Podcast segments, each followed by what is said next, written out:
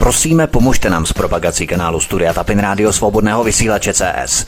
Pokud se vám tento nebo jiné pořady na tomto kanále líbí, klikněte na vaší obrazovce na tlačítko s nápisem Sdílet a vyberte sociální síť, na kterou pořad sdílíte.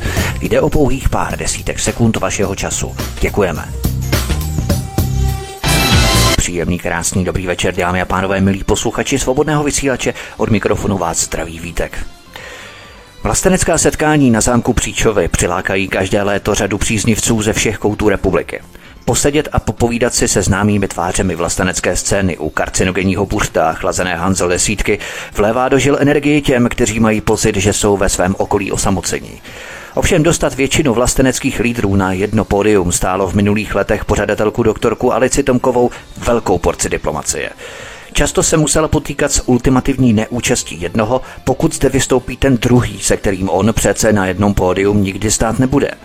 Jak z těchto infarktových stavů vykličkovat a jak složitá jsou obrušování hrán.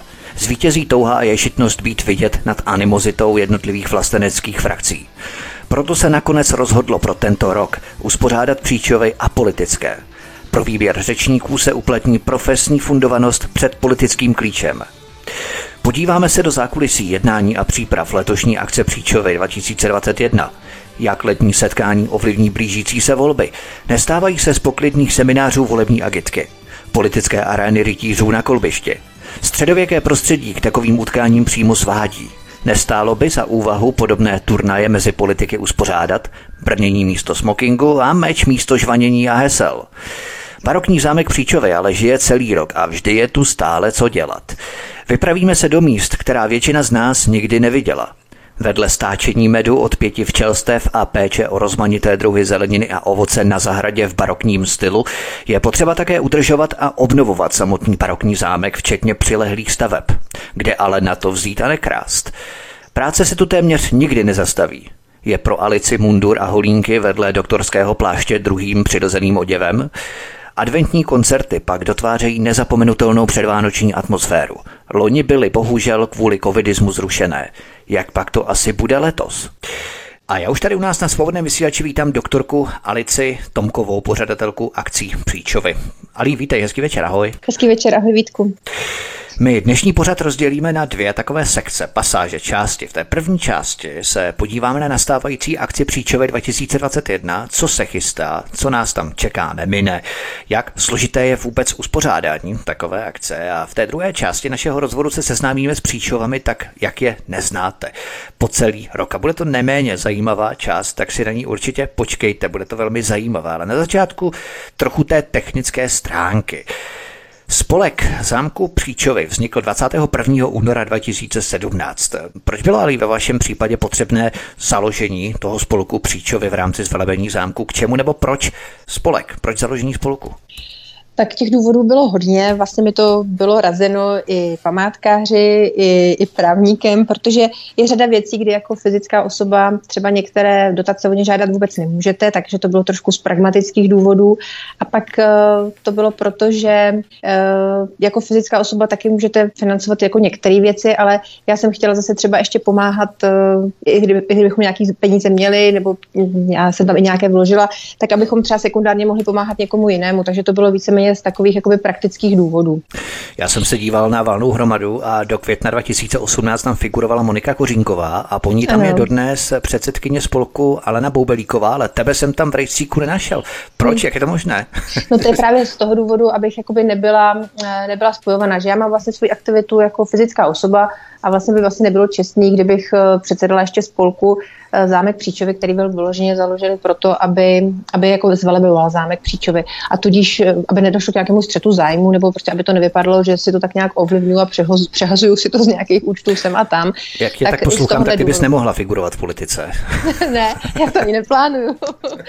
ne, takže ten zámek Příčovy je taková záložní varianta. Samozřejmě i je to proto, že kdyby někdo nám chtěl nějaký dar poskytnout, tak mě to to do, do kapsy dávat jako fyzické osobě je těžký a abych mohla poskytovat vlastně darovací smlouvy, tak, tak proto jsem potřebovala zámek Příčovi. Takže iniciovala jsem to tak trošku já, protože jsou to samozřejmě, je to okruh lidí, který znám nebo který se mi nabídli, že mi chtějí pomáhat z okruhu mých kamarádů.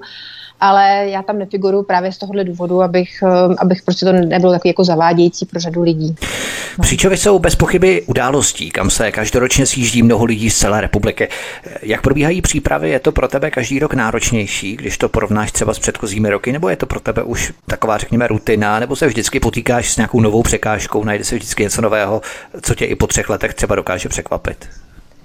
No vidíš, to jsme ani neřekli vlastně posluchačům, že, že letos to bude třetí, třetí vlastenecký setkání v hmm. Příčovek, třetí ročník. No a to je otázka, eh, v něčem určitě se vždycky vyskytne něco nového, v něčem už můžu říct, že jsem po těch třech letech rutinér, ale opravdu každý ročník byl jiný. Ten první byl opravdu takový jako panenský ve smyslu, že, hmm. že to bylo pro všechny jako nové, nevěděli jsme, co to máme čekat, jestli nás vlastně lidi navštíví, jestli nám budou důvěřovat.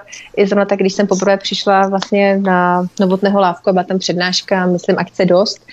Tak, eh, tak jsem tak jako si říkala, koho já tak oslovím a jsem, šla jsem první za Petrem Hamplem a vlastně jsem říkala, že já jsem nějaká Tomková a ráda bych dělala něco jako pro vlasteneckou scénu. Tak on byl jako dobrý v tom, že mi vlastně důvěřoval, aniž by mě znal, tak eh, toto teď udělat nemusím, protože teď už můžu říct skoro komukoliv po těch třech letech z toho organizačního výboru, a už, už vědí, kdo jsem, nebo minimálně, že, že jsem schopná to zorganizovat a tak už jsem zase řada věcí dělá, dělá líp že už to není prostě tohle to prvotní, ale samozřejmě takové ty technické věci, zajišťovat od toalet přes občerstvení, tak eh, to je takový, že každý rok trošku jiný, v něčem je to zajeté, v něčem se snažíme, aby to samozřejmě pro lidi bylo zajímavější, nové, a, a dokonalejší. Takže, takže se snažím jakoby precizněji víc na tom pracovat. No. To budeme samozřejmě všechno probírat v našem rozhovoru. Je obtížnější ta fyzická dřina, aby se nějak skulturnila okolí zámku před tou samotnou akcí. Tím nechci naznačit, že tam máte po většinu roku nějaký zarostlý plevel nebo chroští, ale přece jenom je to 5,5 tisíce metrů čtverečních, i když včetně tedy toho samotného objektu zámku, ale abych se vrátil k té mé otázce, je náročnější ta fyzická dřina nebo spíš se potýkáš s tím, jak sehnat řečníky do těch panelů? celá ta logistika kolem toho?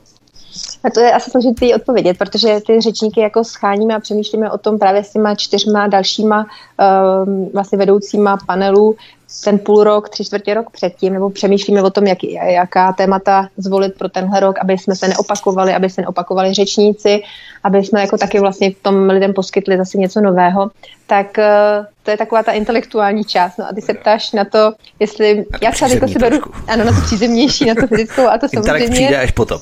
Ano, tak to je teď tak, že uh, samozřejmě beru si 14 dní dovolenou, abych to tam nějak trošku skultivovala, ale to není daný jenom tím charakterem toho objektu, který je samozřejmě v neúplně dobrém stavu, ten vlastní zámek barokní, ale letos třeba se doufám, že budou potěšení uh, návštěvníci, kteří tam byli třeba rok předtím, tak máme kompletně opravenou sípku barokní, takže, takže se tam vlastně skví taková jakoby krásná věc, která vypadá jak z nějaké pohádky z Deňka trošky. A pak vedle teda máme tu velkou budovu, která ještě tak úplně na tom není, ale máme třeba už některé nový okna a a myslím si, že si třeba některých drobných věcí všimnou i návštěvníci nebo v kapli svatého Vojtěcha máme kompletně dorestaurovaný hlavní oltář. Takže jako je tam těch věcí víc, nicméně to, co asi mě teď bude stát tu dovolenou, tak to jsou přesně ty záhonky, tráva, která roste po, těch, po těch deštích úplně šíleně. Yeah. Takže musím své děti poprosit, aby to tam několikrát vzali traktorkem a posekali trávu a, a tak vůbec. Takže určitě je to i o té fyzické práci, ale já to dělám ráda. Jako ještě, řekněme, nevolnická fyzické práce třeba i dětí, to se dělalo taky v baroku, že? Vlastně to je stylové přímo. Ale od letoška už to není úplně zneužívání dětské práce, protože i ten můj mladší syn je 18 letý, takže teďko od června, takže už to takhle není. Před rokem to tak ještě bylo, ale já tím, že pracuji jako doktorka, tak se vlastně většinu dne a týdne jsem zavřená v místnosti, kde, kde mám zářivku, víte, co jako pracuji tak jako hodně bez kontaktu s přírodou a se sluníčkem, tak já vlastně strašně ráda mm, při člověk pracuji i fyzicky, jako pro mě je to relax. Rozumím, to je takový relax ráda. a uvolnění. Přesně tak to říká hodně lidí, že hrabat se v zahrádce, že to je úplně nejlepší relax, vypnout a v podstatě soustředit jenom právě bez toho intelektu, který člověk musí využívat právě v té práci. Letos se příčovy pořádají podle profesní fundovanosti a ne podle politického klíče. Proč nechceš z toho mít arénu a klubiště v rámci předvolební kampaně? Ne, určitě ne. To jsme si právě dávali velký pozor, abychom nebyli nějakým způsobem osočováni, že někomu mm, nějakým způsobem se snažím pomáhat v těch volbách, nebo mu fandíme, nebo byla v tom vidět nějaká souvislost. Takže letos na to dáváme pozor. My jsme se teda vlastně snažili každý ten ročník, ale ono ne vždycky to vyšlo. I vlastně jsem se snažila to vysvětlit lidem před rokem, když třeba někdo řekl, proč tam je ten a není tam ten z trikolory místo SPD a tak. Ale ono, ono často ten charakter těch um, panelů i vzhledem k tomu covidu, který už byl před rokem, nebo tím, že někteří ty přenášející nejsou nejmladší, tak co ono se nám vlastně krystalizuje i vlastně ty účinkující třeba i poslední 14 dní před tím Eh, vlastním vlasteneckým setkáním. To znamená, ono není jednoduchý prostě držet se témat, která se zvolilo, abychom úplně neuhybali a zároveň třeba někdo se opravdu omluví těsně předtím nebo týden předtím. Takže pak jako lovíte v tom, že aby někdo nebyl nadovolený a byl ochoten tam přijet a pak to třeba vypadá jako, že, eh, že, že to, to mohl být nějaký záměr. Ale opravdu se snažíme maximálně a to musím říct, že v tom organizačním výboru je teda Stanislav Novotný, Petr Žantovský, Michal Semín a Petr Hampl a že vlastně všichni se snažíme o to přesně tak navzájem si kontrolujeme a a, hlídáme, aby prostě a, a přemýšlíme, zavoláme si, myslíš si, že tenhle ten bude vadit. Jo, je to opravdu o tom, že se strašně snažíme, aby to právě nebylo politicky bráno. I ta témata jsme tentokrát zvolili třeba tak, že se tam zabýváme i zemědělstvím, lesem, lesy, vodou, uh,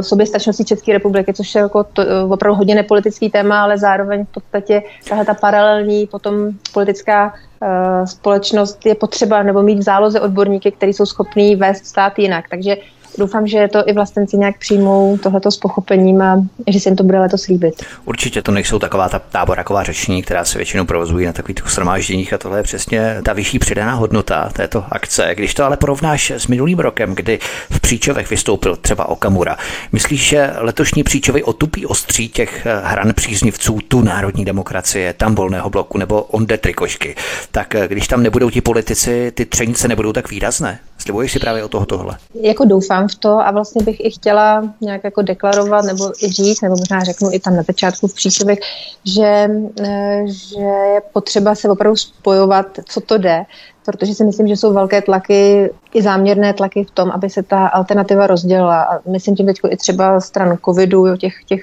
témat, která vlastně rozdělují, uměle rozdělují alternativu, nebo vlastně lidi, kterým jde o nějakou naši budoucnost a vycházejí z toho, že nechtějí zklamat třeba své předky, tak eh, je nás hodně, ale nesmíme se nechat rozdělovat. A přesně minulý rok jsme vystoupili s Petrem Hamplem, který je přesně zastáncem takových jako těch rouškařů a, a očkování a tak, což ještě před rokem s tím očkováním moc jako ne, nemluvil o tom. A přesně o, o mě říkali, jo, ty jsi ta antirouškařka, tak uh, jsme vystoupili oba na Facebooku, jsme udělali vlastně takovou, takovou pozvánku, že přestože každý si myslíme něco jiného, tak uh, do těch příčov prostě přijedeme nebo vážíme si toho, že jsme pořád schopni si spolu sednout k jednomu stolu nebo být v rámci jednoho panelu a mluvit spolu. Takže já jako se strašně přimlouvám za to, jakoby nehrotit uh, ani ty své názory a ovládat trošku emoce, protože ta doba je zlá, ještě, ještě asi horší bude. A vlastně si myslím, že i proto eh, jsme letos zažádali o záštitu pana prezidenta Zemana a myslím si, že to ilustruje přesně i, e, i třeba prezident, ex-prezident Klaus a prezident Zeman, to, že pan prezident Zeman šel na narozeniny 80. pana ex-prezidenta Klauze a jeden řekl, jo, Vašku, ty by se měl nechat očkovat. A, a, a ex-prezident řekl, no to ani náhodou. Ale vlastně jsou pořád schopní e, spolu jako mluvit. Takže přestože e, si každý třeba myslíme něco jiného, tak tak jsme schopni jít spolu na ty narozeniny nebo na oslavu, nebo prostě jít si o tom popovídat. Tak proto bych třeba byla rada, aby, aby vlastenci i brali tu záštitu prezidenta republiky jako takovýhle symbol. A uh, pan prezident Zeman nám tu záštitu dal opravdu jakoby osobním, eh, nějakou osobní iniciativou, protože my jsme čekali, až se vrátí z dovolené a opravdu si jakoby přečetl a věděl, eh, komu tu záštitu dává. Není to takový, jako že mu to paní sekretářka podstrčí pod nos a on něco podepíše. Takže si myslím, že i on si váží toho, mm, že se budeme snažit prostě spolu komunikovat, no, že, že to je pro něj taky důležitý. No. Takové trošku zamyšlení je to třeba tak, že ta rivalita mezi politiky se zrcadlí a prostupuje i jejich příznivci, ale to se mně zdá, že ty animozity a antagonismy dostoupily vrcholu a tou depolitizací se ten vlastenecký rybník nebude tak atomizovat nebo atomkizovat, když mluvíme s tebou. Tak myslíš, že právě k tomu dojde? Budu jako v to věřit, nebo budu se maximálně snažit, no, určitě. Člověk si zase na druhou stranu klade otázku, proč volit takové politiky, kteří se nejsou schopni dohodnout ani mezi sebou na společné věci, třeba proti covidismu, což definuje stěžejní téma s příchodem září. A místo toho panuje mezi nimi napětí, rivalita, hostilita. Místo, aby lidi tak nějak uklidňovali ti politici a dávali je nás dohromady, tak k čemu takové politiky vlastně máme, jestli jim jde vůbec o nás, o lidi jako takové, anebo o ukojení svého, řekněme, narcismu, Franta je lepší než Pepa, potřebujeme takové politiky vůbec? No ale na druhou stranu nám nic jako nezbývá. Pořád musíme jakoby někoho zvolit, nebo aspoň já jsem zastánce tohohle, že, že prostě volit menší zlo. Takže i když člověk není asi nadšený z toho, co se nám na tom táce předkládá, tak nakonec si racionálně zvolí to nejmenší zlo. Tohle to prostupuje všemi politickými stranami. Jo? To ať, ať si myslíme, co si myslíme o covidu, o zahraniční politice, o já nevím čemkoliv, tak, tak tohle je ve všech stranách. Takže já si myslím, že... právě, že ten covidismus zastřešuje to všechno ostatní. Když jsme jo, měli jo. agendy jako multikulturalismus, mm. gentrismus, ekologismus, ale ten covidismus v podstatě zastřešuje všechno, to jsme tady měli předtím, protože to akceleruje ty procesy v přechodu mm. do určité další fáze vývojového stádia nějaké doby civilizace a tak dále. A v podstatě, když eh, někdo selže v této tematice, tak eh, to je potom těžké nějakým způsobem s ním spolupracovat dále. A to teď eh, nebudeme řešit možná za chvilku.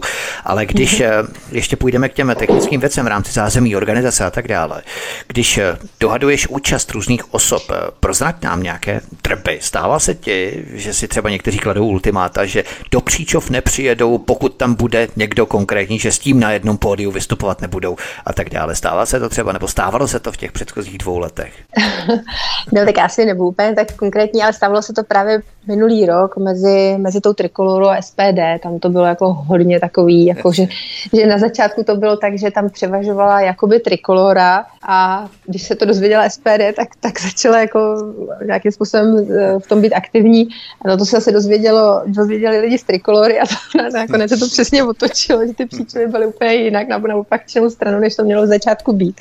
Ale zase v tom nebylo vůbec nic jako z naší strany jakoby záměrného, protože my jsme chtěli do panelu o školství uh, Václava Klauze mladšího.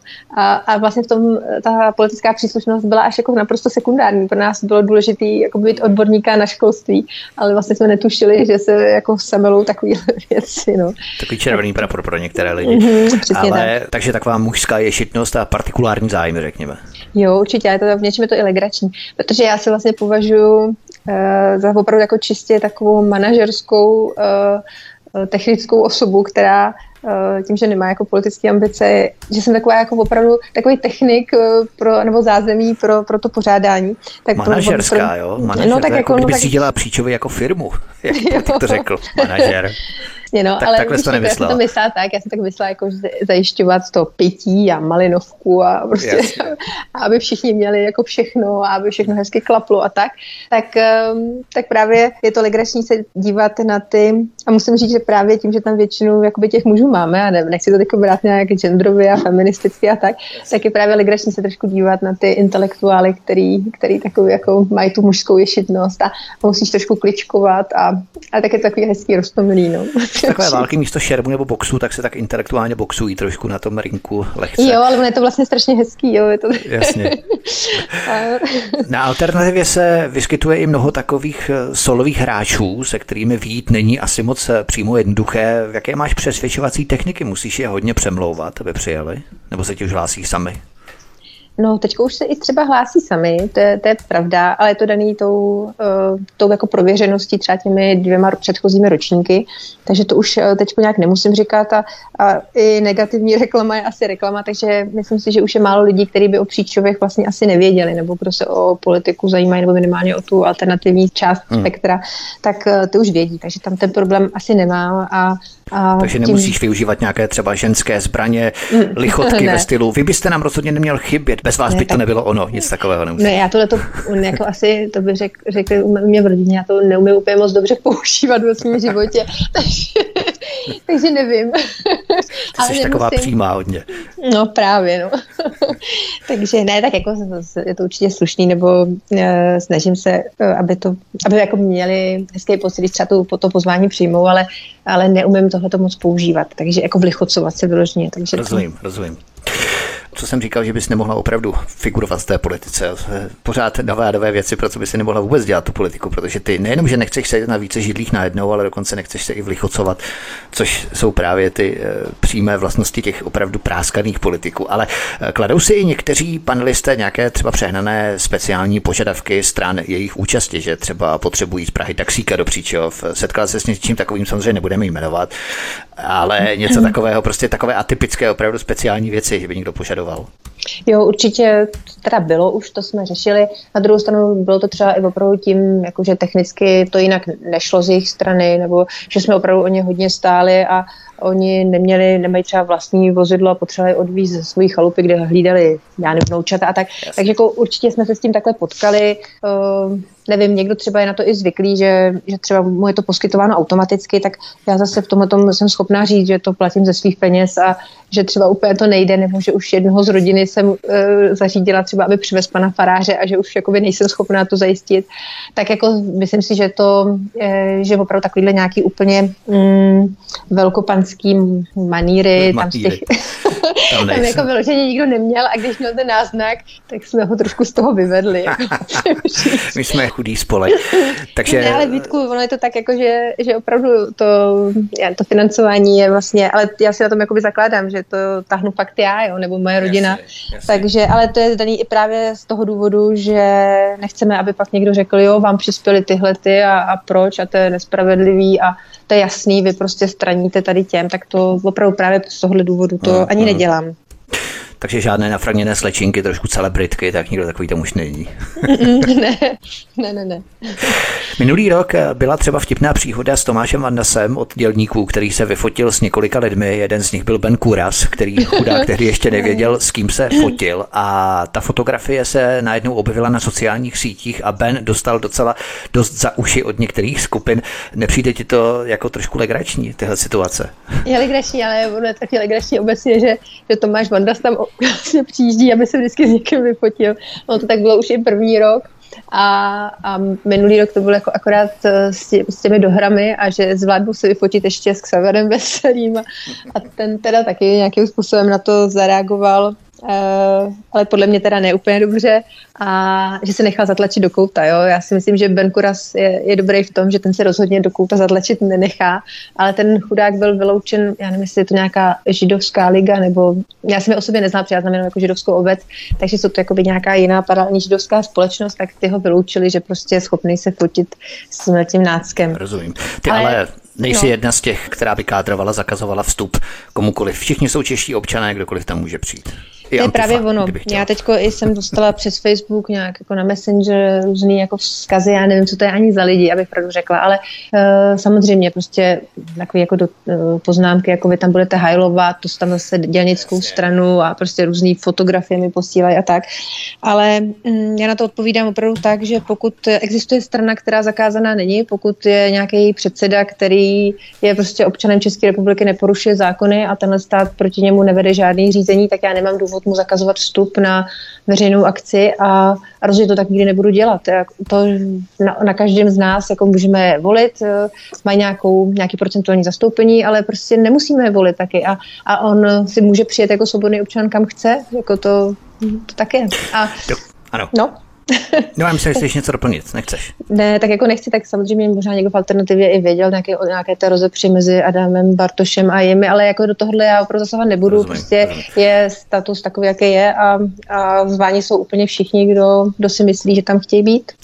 Doktorka Alice Tomková, pořadatelka akce Příčovy, je hostem u nás na svobodném vysílači. My si zahrajeme písničku a potom budeme pokračovat dál a povíme si třeba i něco o dezinformacích, které panovaly o Příčovech minulý i tento rok, které samozřejmě rozptýlíme. Zůstaňte s námi, dozvíte se je po písnice. Hezký večer. Od mikrofonu svobodného vysílače vás zdraví Vítek a spolu se mnou nás naším dnešním vysíláním provází na svobodném vysílači doktorka Alice Tomková, organizátorka akcí Příčovy. Ještě bychom rozptýlili dezinformaci, která se šíří a to, že do příčov budou mít vstup pouze očkovaní nebo testovaní, to vůbec není pravda. Charakter takové akce tomu nenasvědčuje, respektive neodpovídá. Není to možné. Moc děkuji Vítku za tuhle otázku, děkuji, že si zvednul tuhle tu rukavici. Potřebovala jsem, protože vlastně zjistila jsem, že, že se šíří právě mezi alternativními weby a nebo na, na, na webech informace, že, že v příčovech musí být člověk očkován nebo musí mít eh, nějakou, nějaké potvrzení o testu. Což kdybych tohle vyžadovala, tak uh, bych popírala asi samou podstatu příčov. A musím říct, že právní jak právní směrování nebo právní podstatu příčov ještě jako trošinku hledáme, nicméně uh, myslím si, že tím, že uh, obecně se tam sejdou lidi, kteří nějakým způsobem nesouhlasí s vedením tohohle státu, s establishmentem, s, uh, s názorem na COVID a tak, tak uh, charakter letošního příčovského setkání bude skutečně jako schromáždění manifestace a tam se nás vlastně kontroly nebo povinnosti organizátora kontrolovat účastníky uh, vlastně na nás to nevztahuje. Takže bych byla ráda, kdyby všichni to tak vybrali, věděli a že budeme opravdu rádi, když přijedou, protože uh, bych nechtěla rozdělovat přesně lidi podle toho, uh, jakým způsobem se k tomu covidu postavili, protože já osobně beru jako výsostnou, výsostný právo každého si o svém zdraví rozhodovat sám a rozhodně a zrovna tak jako vyhodnotit riziko pro sebe. Takže jestli někdo se bojí nebo ano, Já. to znamená riziko v rámci těch 100 000 obyvatel, kdy je asi zhruba pět Přesně pozitivních tak, nebo nakažených na 100 000 obyvatel, ani nejsou hospitalizovaní, tak to riziko je minimální, marginální. Nicméně, když tak trochu bilancujeme, my se k tomu ještě vrátíme v rámci toho koronafašismu, očkování roušek a tak dále, ale když tak trochu bilancujeme loňské příčovy, my samozřejmě nebudeme uvádět jména, ale minulý rok došlo k celkem nechutným pomluvám ze strany jednoho pseudomédia, které tě sejmulo za nepozvání oblíbence daného subjektu. Daří se ti nad takovým takovými vypjatými situacemi už jenom mávnout rukou a příliš si to jak si nebrat, nepřipouštět tyto věci? No tak samozřejmě uh, před tím rokem je to mrzelo, protože je to strašně velká energie, kterou člověk tomu věnuje a pak stačí vlastně jenom nějaká, nějakých pár minut a je strašně těžký, když něco vypustíte do médií, pak přesvědčovat o opaku, ale to je obecně, že jo, princip veškerého očerňování lidí a, a diskreditace, že je strašně jednoduše se někdo očerní, ale pak už na zpátek to vzít uh, je strašně těžký a hlavně to ani dneska nikdo nedělá, že jo, aby se nějak řádně omluvil rozumím, a tak. Rozumím. Budu ráda, když prostě do příčov přijede každý, kdo chce. Myslím, že počet neočkovaných a netestovaných lidí, kteří přijedou na příčovy, odpoví na tohle naše drobné zamyšlení o těchto vyprázdněných skořápkách, které tuhle informaci šířily. Nicméně, než se podíváme do toho zákulisí příprav a povíme si i něco víc o příčovech, protože lidé příčovy znají jenom tak letmo, právě z toho jednoho setkání, ale co se tam děje po zbylých 364 dní, nikdo téměř netuší, tak eh, zkusme lidi nalákat na letošní setkání, protože budou celkem čtyři panely s moderátory Standou Novotným, Petrem Žantovským, Michalem Semínem a Petrem Hamplem a každý ten panel bude mít své čtyři panelisty, dohromady tedy 16 řečníků. Jak budou ty čtyři panely tematicky laděné a kdo v nich eh, vystoupí, pokud bychom měli vypíchnout nějaké stěžejní osoby, abychom nikoho neurazili, to je problematické právě, potom musíme jmenovat všechny všechny, ale kdybychom to měli nějakým způsobem trošku telegraficky představit. Určitě, já možná bych začala, že představím jako ten den eh, vlastně jako celek a uh, začalo, začala bych tím, že vlastně t- vlastenecké setkání začíná 10 hodin mší svatou v kapli svatého Vojtěcha, která je součástí zámku. Uh, a mši svatou bude celebrovat páter Stanislav Přibyl, který přijede z Prahy a vlastně nám teď už uh, po několikáté tu, tu mši svatou slouží. Takže to bych řekla, že je taková jako duchovní příprava a takový jako hezký spojení právě e, s tou historií zámku a možná takový napojení na ty naše předky, pro který se snažíme, nebo aspoň já to tak vnímám, e, snažíme to vlastně setkání dělat, respektive spíš se snažíme je nesklamat, ty předky. A e, Vše svatá bude přibližně teda hodinu a od 11 začíná ten vlastní, vlastní program, kdy celým dnem nás bude provázet letos eh, herec Ivan Vyskočil. Toho určitě eh, posluchači znají nejen z televize, ale i třeba z různých jeho článků pro parlamentní listy a společnost, nebo respektive jakoby partnera, partnerku mu bude dělat Zuzana Styrská, která, která zpívá teda v Gospel Timeu, Fine Gospel Time a vlastně minulé roky nám taky zpívala jako program, jako hudební, hudební doprovod jako celého toho dne, nebo měla koncert. Uh, takže tyhle ti dva, Ivan Vyskočil, Zuzana Styrská, budou uvádět jednotlivé panely, budou prostě dělat takový trošku i možná vtipný, vtipný jakoby průvodce a budou prolínat těmi jednotlivými panely. Uh, prvním panelem je od těch 11 hodin přibližně plus minus třeba čtvrt hodina panel Michala Semína, který vlastně si vzal poměrně jako široce, ten panel pojal, je tam kultura, vzdělanost, situace ve školství a věda v rukou politiky. Takže tam, tam přijal pozvání profesor Jan Keller, ale ten tam teda tím, že má i nějakou složitou rodinnou situaci, tak si ještě nejsem jistá, jestli přijede. Ben Kuras, eh, pak eh, pan doktor Zdeněk Koudelka z Brna, eh, Milena Míčová. To není Michal Koudelka z BIS. Ne, není, není, není, není. pak paní doktorka Andrea Málková, která je také z Brna a možná ji posluchači znají z dokumentu Igora Chauna, tak ta, ta bude mluvit právě o té vědě v rukou politiky. Situace ve školství bude mít Milena Míčová, kterou taky asi posluchači znají a která měla problémy skrz roušky uh, na střední škole, kde učí a tak. Bena Kura tady několikrát vystupovala u nás na svém vysílači, takže lidé ji znají. Ano.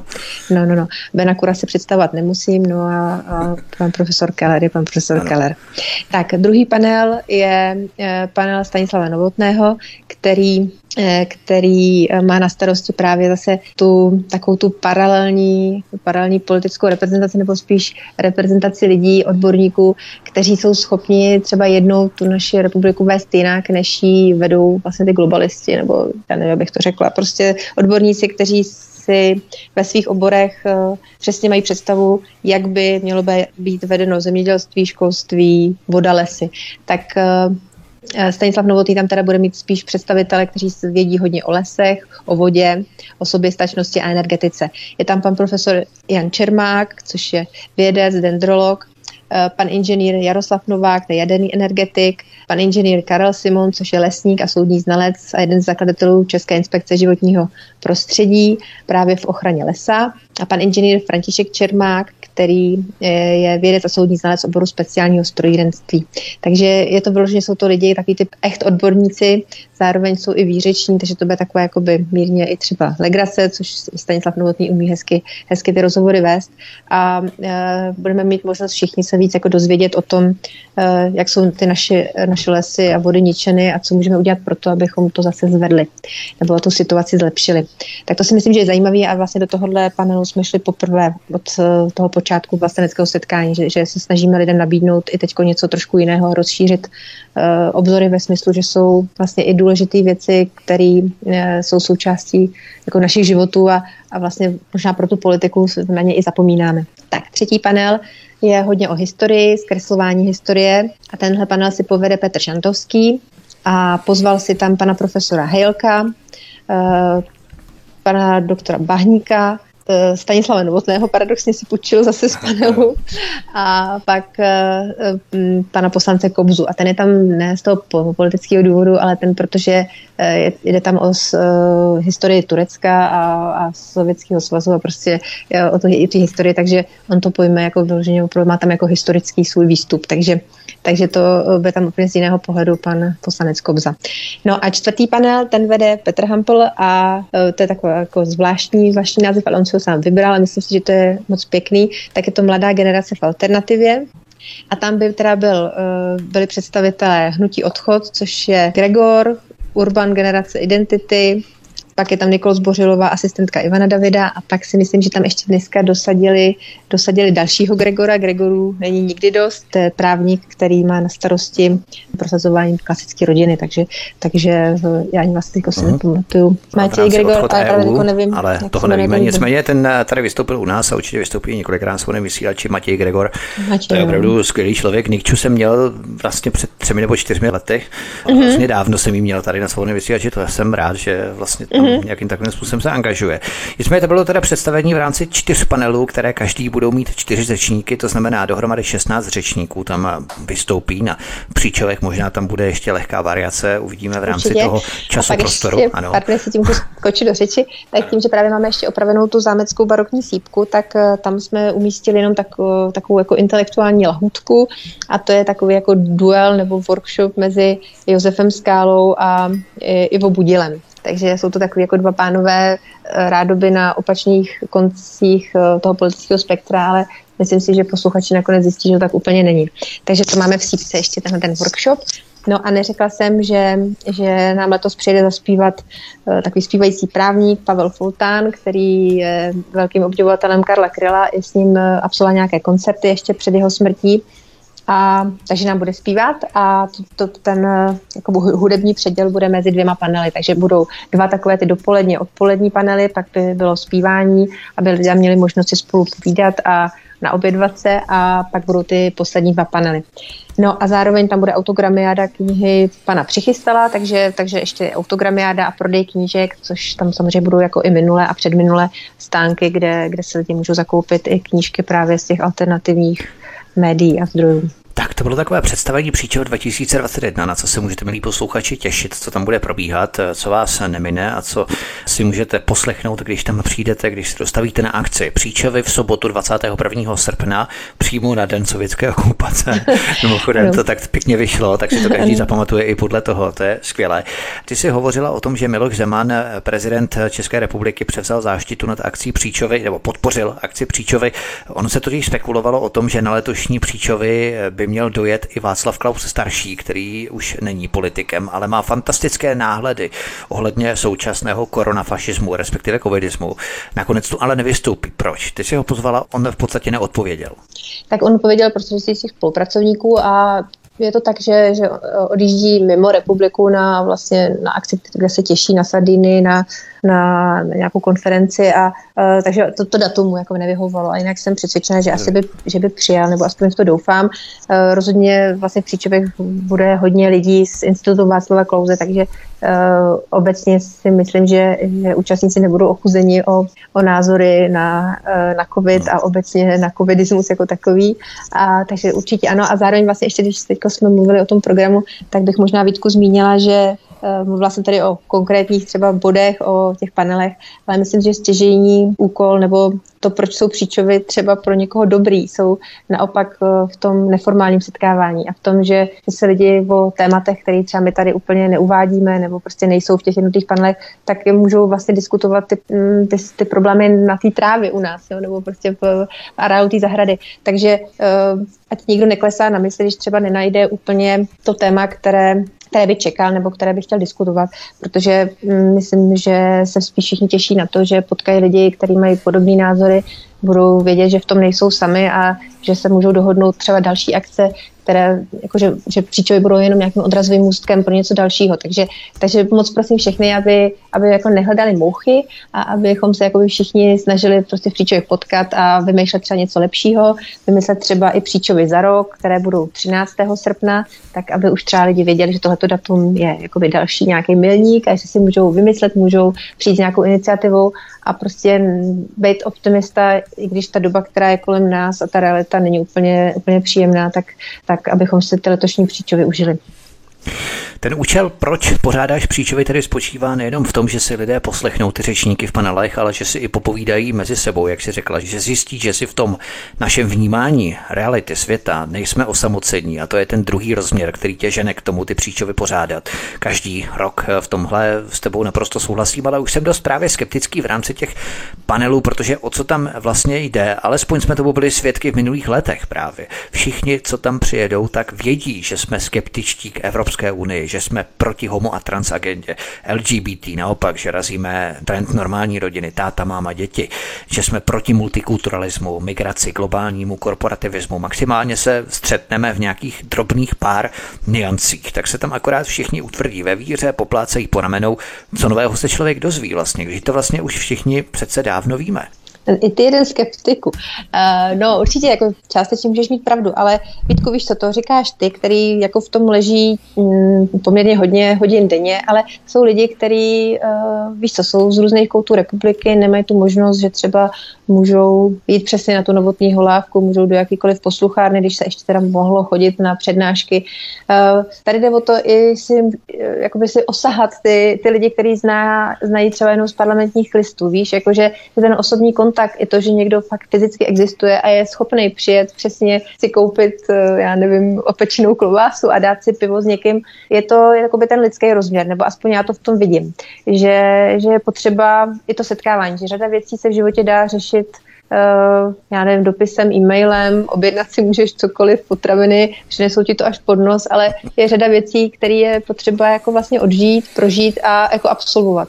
A já přesně myslím, že ty příčovy jsou dobrý proto, aby se lidi potkávali. A vlastně nakonec si můžou klidně povídat o rodině, můžou spovídat o tom, že sami zorganizují něco na Ostravsku, já nevím, u Kroměříže, já, u Chebu, je to úplně jedno, yes. ale že, že na to, abychom mohli změnit tuhletu jako realitu, která se na nás žene, třeba ji nezměníme, ale minimálně já věřím v to, že se to dá měnit od spoda. Jo? Že, že přesně ty globalisti úplně strašně podceňují podceňují ty obyčejní lidi, podceňují venkov a podceňují vlastně jakoby tu paralelní společnost, která se určitě začne vytvářet. A já si myslím, že příčovy můžou být takovým krystalizačním jádrem tady toho, tady toho hnutí od spoda. Protože určitě nemůžeme nikdo z nás políhat na to, že se něco začne měnit od zhora. Že určitě většina z nás půjde k těm volbám, ale rozhodně nemáme očekávání, že by se něco radikálně změnilo. A já jako vidím to, pokud eh, to s náma ten pán myslí dobře, anebo pokud se nemáme teda opravdu řídit do záhoby, tak, tak to půjde od spoda. Jakoby to zlepšování nebo ta iniciativa. Takže, takže proto já, takže takhle bych tě argumentovala. Rozumím. Já ti, ta, takže... já ti tam někdy dotáhnu, počkej. tak to bude tedy opravdu svátek. Já myslím, že globalisté podceňují klobásu, takže všem globalistům vzkaz nepodceňujte českou klobásu, ta se vám určitě postaví a vymstí. Ale my jsme probrali letošní příčovy, ale pojďme se podívat na zákulisí ohledně příprav. Nebudeme ani tak hovořit o sladění a organizování panelů, kdo s kým chce nebo nechce vystoupit na jednom pódiu. Letos to ani moc nebude, protože to je apolitické, to jsme probrali, ale podíváme se spíš na tu fyzickou stránku, jak dlouho trvá uvést zámek a okolí do adekvátního stavu pro to setkání. Měsíc nebo ještě déle, ty si říkala, že jsi vzala kvůli tomu 14 dní dovolenou, tak to je tak akorát i s dětmi, když zapojíš veškerou tvou rodinu příbuzenstvo. jo, a ještě možná nějaký lidi, kteří zaplatí. ne, tak jako jo, a tak záleží, víte, já jsem taky trošku něčem maximalista, nebo se snažím, aby to bylo tak, jak si to vymyslím, takže jsem taky paličák strašný a takže určitě je to, šlo by to udělat i jinak, ale těch 14 dní si myslím, že, že je základ na to, aby se těch 5,5 tisíce metrů čtverečních nějakým způsobem skultivovalo.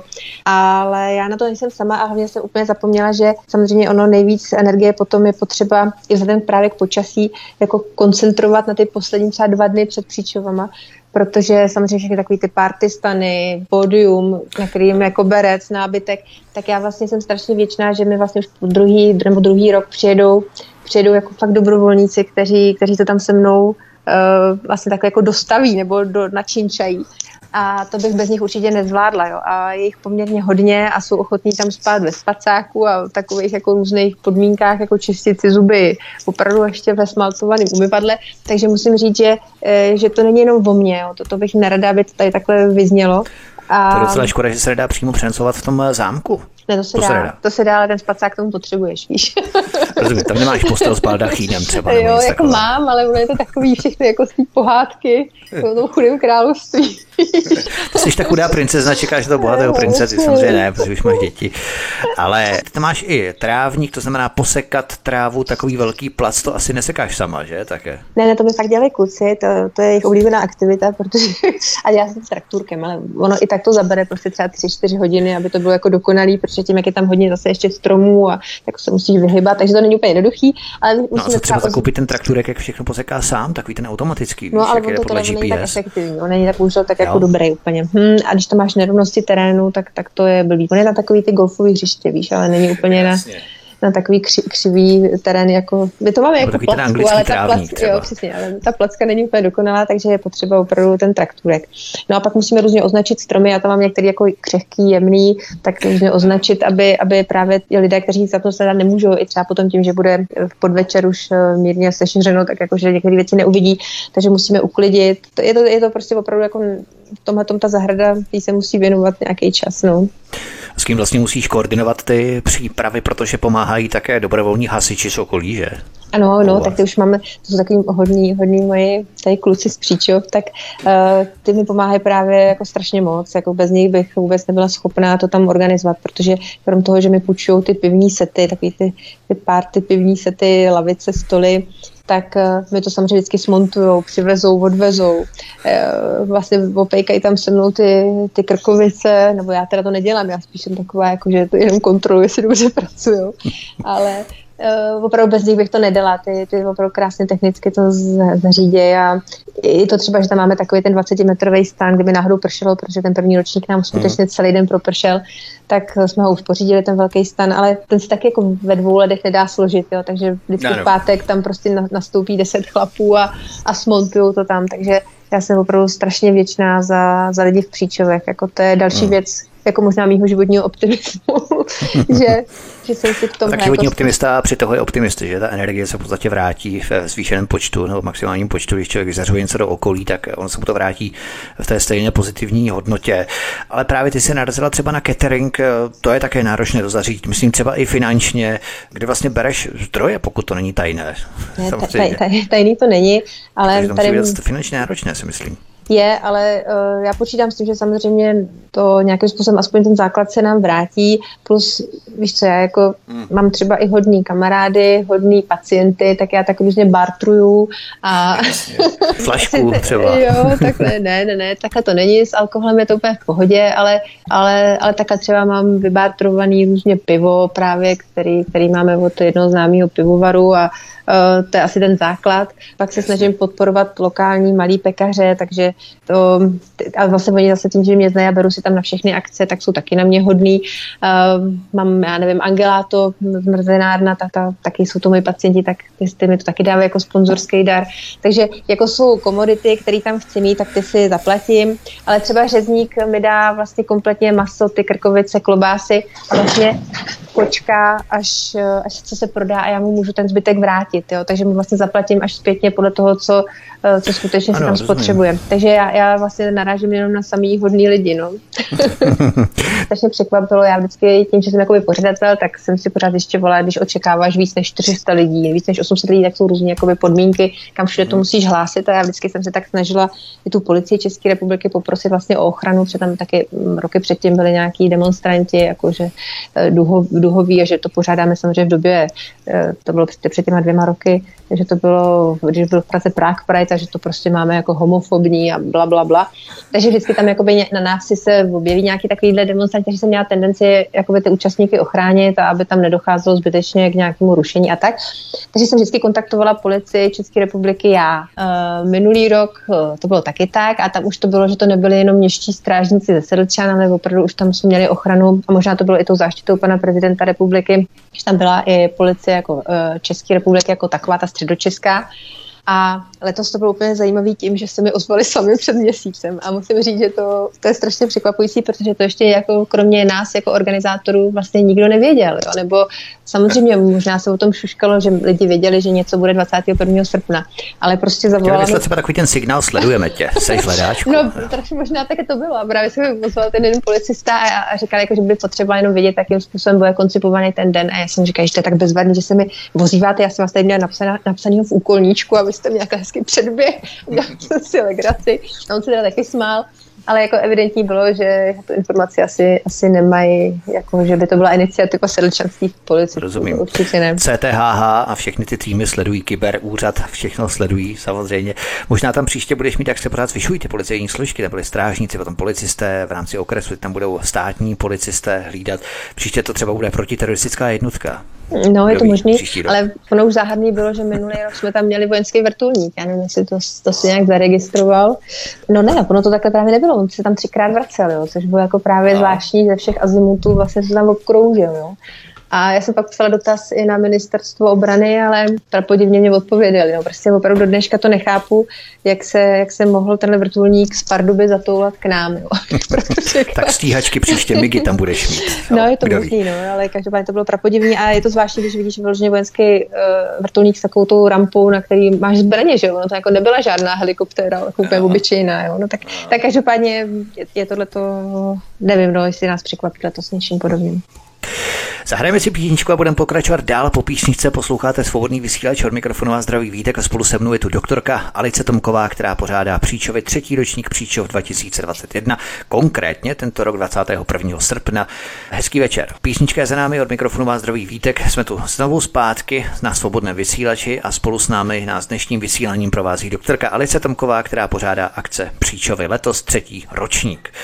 Potíže asi v neděli, kdy všichni utečou a se třídit veškerý ten odpad, všechno rozebrat, uklidit, to tam nezůstane skoro nikdo, i když ti lidé by třeba mohli, měli volno, mohli by pomoct s tím, takže vás je na to jenom pár potom v tu neděli. Kdo přijedete na Příčovi, máte v neděli volno, zůstaňte a pomožte Alici s úklidem, ona bude určitě moc ráda, že? Ten si žádný výtku, ale já doufám, že to bude vlastně jako loni, já, já takhle nechci asi zneužívat účastníky uh, úplně, ale na druhou stranu musím říct, já vlastně nakonec tam vždycky mám právě tyhle ty hodný lidi, kteří tam nějak zůstanou a, a pomůžou, jo? Že, že opravdu včetně třeba Petra Hampla právě s jeho ženou Markétou, uh, já nevím, přes manžele Minarský, který taky jsou od Karlových varů a vždycky vlastně člověka nenechají ve štychu, tak jako um, nemůžu, já si vlastně nemůžu stěžovat vůbec na nic. Já, já vlastně musím být za ty příčově strašně vděčná, že, že sice jsem si vymyslela, jak říkáme maminka, jako takovouhle věc, že si nedám pokoj a tak, ale ono mi to přináší opravdu radost. No. A že, že i ta neděle má člověk pocit, jako je to za ním, nebyl to úplný průšvih, všichni se najedli, všechno dobře dopadlo, tak jak člověk žije v té jako po, uh, já nevím, po uh, po pořadový nějaký euforii, uh-huh. tak, uh, tak vlastně to třídění je strašně příjemná práce toho odpadu. tak to je skvělé. Takže to vlastně někdo nemusíte zůstávat, ale se to klidí všechno za nás. Má jo, klidí, klidí. Vypravíme mm-hmm. se ještě dál teď, protože teď si povíme něco o zámku Příčovy. Ten samotný zámek má dvě podlaží, každé podlaží zhruba 400 metrů čtverečních. Jak vlastně vypadá interiér toho zámku Příčovy? Troufla by si tam dělat nějaké prohlídky, protože to zase není tak velké asi, že? Ne, velký to určitě není. Prohlídky dělám, ale jsou to tak jako prohlídky pro lidi, kteří nemají velké očekávání a, a není to prostě klasická Aha. prohlídka zámku. To, to určitě ne ale je to jeho daný tou schátrlostí. My tam máme dvě místnosti, které jsou jako opravdu hezký, že jsme si i hezky zařídili, ale tím, že mm, vlastně čekáme na rekonstrukci kompletně té mansardové střechy, tak, eh, tak samozřejmě tam neděláme nějaké věci tak, abychom investovali do něčeho, co by se potom zase měnilo. Takže jsou vidění v druhém patře, krásně ty dva pokoje, ty jsou opravdu hezky zařízený, ale e, jinak ten zámek jakoby za ten, ten průvod vlastně ani nestačí, nebo tu prohlídku e, jako nestojí. Úžasná je ta kaple a ta byla vlastně i ten důvod, proč jsme Příčovi koupili. Mm, a kaple, kaple svatého Vojtěcha. Kaple svatého Vojtěcha a ta vlastně tvoří třetinu té budovy barokní a původně vlastně i mm, věžička, která tam byla až do roku 1984, tak vlastně jako je signalizovala to, že pod tou věžičkou může být něco, ale tím, že e, tam zatýkalo přes tlampač e, veřejného rozhlasu, tak oni v roce 84 tu věžičku jako srazili, ten sanktusník. A tudíž ta střecha je prostě čistá mansardová, v to vypadá jako nějaká ohromná fara, ten zámek, ale nikdo tam nečeká právě tu kapli.